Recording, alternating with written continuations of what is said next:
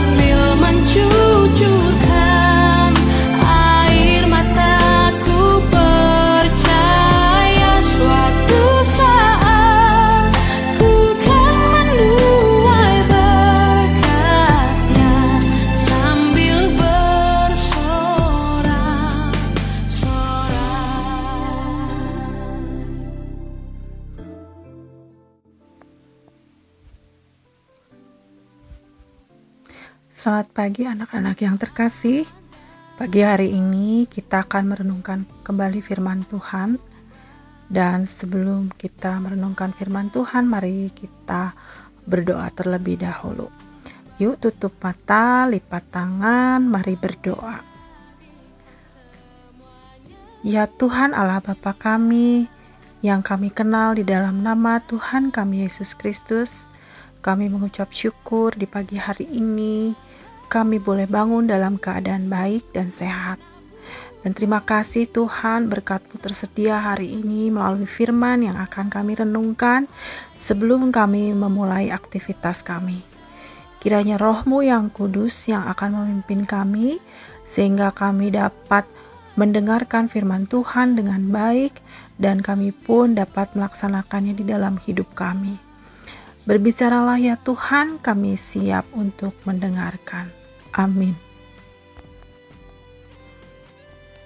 Anak-anak yang terkasih, ayat hafalan pada pagi hari ini diambil dari Pengkhotbah 9 ayat 10a. Pengkhotbah 9 ayat 10a. Mari kita membacanya bersama. Segala sesuatu yang dijumpai tanganmu untuk dikerjakan, kerjakanlah itu sekuat tenagamu. Dan tema renungan pada pagi hari ini adalah Let's do it. Ada seorang gadis yang cantik bernama Karina. Dan Karina ini mempunyai peliharaan dua ekor kelinci yang lucu-lucu. Selain itu, Karina juga menanam beberapa pohon tomat dan sayuran. Dan tanaman tersebut adalah hasil dari tugas sekolah selama belajar di rumah. Dan semua itu menjadi tanggung jawab Karina di rumah untuk memelihara dan mengurusnya, selain tugas-tugas rumah lainnya, sebagai giliran tugas membantu ibunya seperti misalnya membereskan tempat tidur, mencuci piring, dan tugas-tugas tersebut dilakukan seharusnya sebelum atau sesudah pembelajaran online. Tetapi ternyata Karina sering menunda pekerjaannya dan akhirnya lupa untuk dikerjakan, sehingga pekerjaan-pekerjaannya itu menjadi menumpuk. Dan akibatnya Karina malas untuk melaksanakan tugas-tugasnya. Dan apabila ibu memperingati supaya Karina mengurus kebun atau kelincinya atau membereskan tempat tidur, Karina berkata, "Aduh, Mama, sekarang aku mau main game dulu. Nanti aja kerjain semuanya itu. Kan bisa dikerjakan besok. Lagian nanti aja kasih makan si Bani dan si Todi kelinci-kelinci itu. Anak-anak yang terkasih, salah satu ciri orang pemalas biasanya adalah menunda pekerjaan sehingga tugas-tugas yang dilakukannya itu makin menumpuk.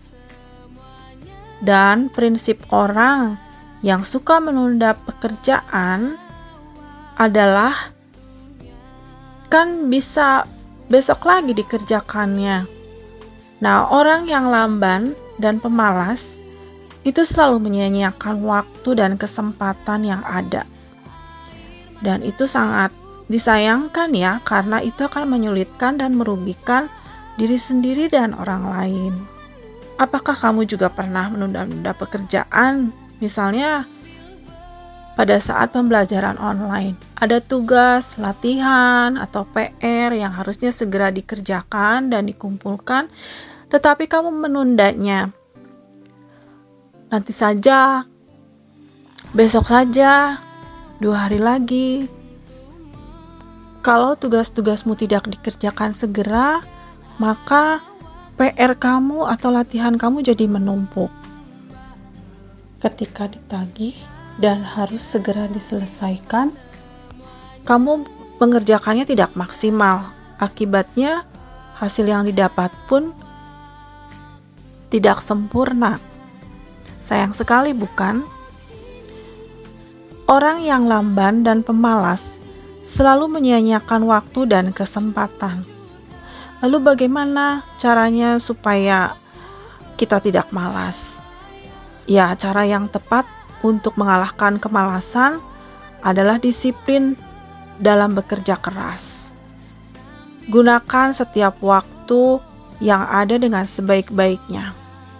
Dan jika dirasa sulit, kita sangat perlu memohon bantuan Roh Kudus, memohon bantuan Tuhan supaya kita dapat melawan rasa malas.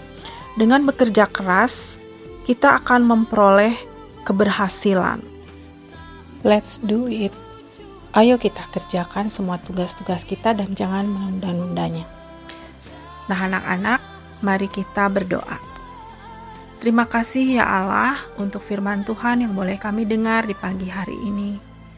Kiranya Tuhan menolong kami untuk kami dapat melawan rasa malas dan juga menunda-nunda pekerjaan kami, sehingga hal tersebut tidak merugikan diri sendiri dan juga orang lain. Kami mau Tuhan melakukan yang terbaik hanya untuk kemuliaan nama Tuhan, sekalipun itu tugas dan tanggung jawab kami sebagai pelajar, sebagai anak, dan sebagai sesama ya Tuhan, kami mau melakukan yang terbaik. Terima kasih ya Tuhan, kami mau menyerahkan kegiatan kami di pagi hari ini hingga siang hari nanti Tuhan. Berikan kami hikmat dan juga semangat Tuhan agar kami dapat belajar dengan sungguh-sungguh. Berkati orang tua kami, berkati guru-guru yang membimbing kami.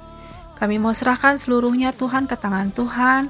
Di dalam nama Tuhan Yesus kami telah berdoa. Amin.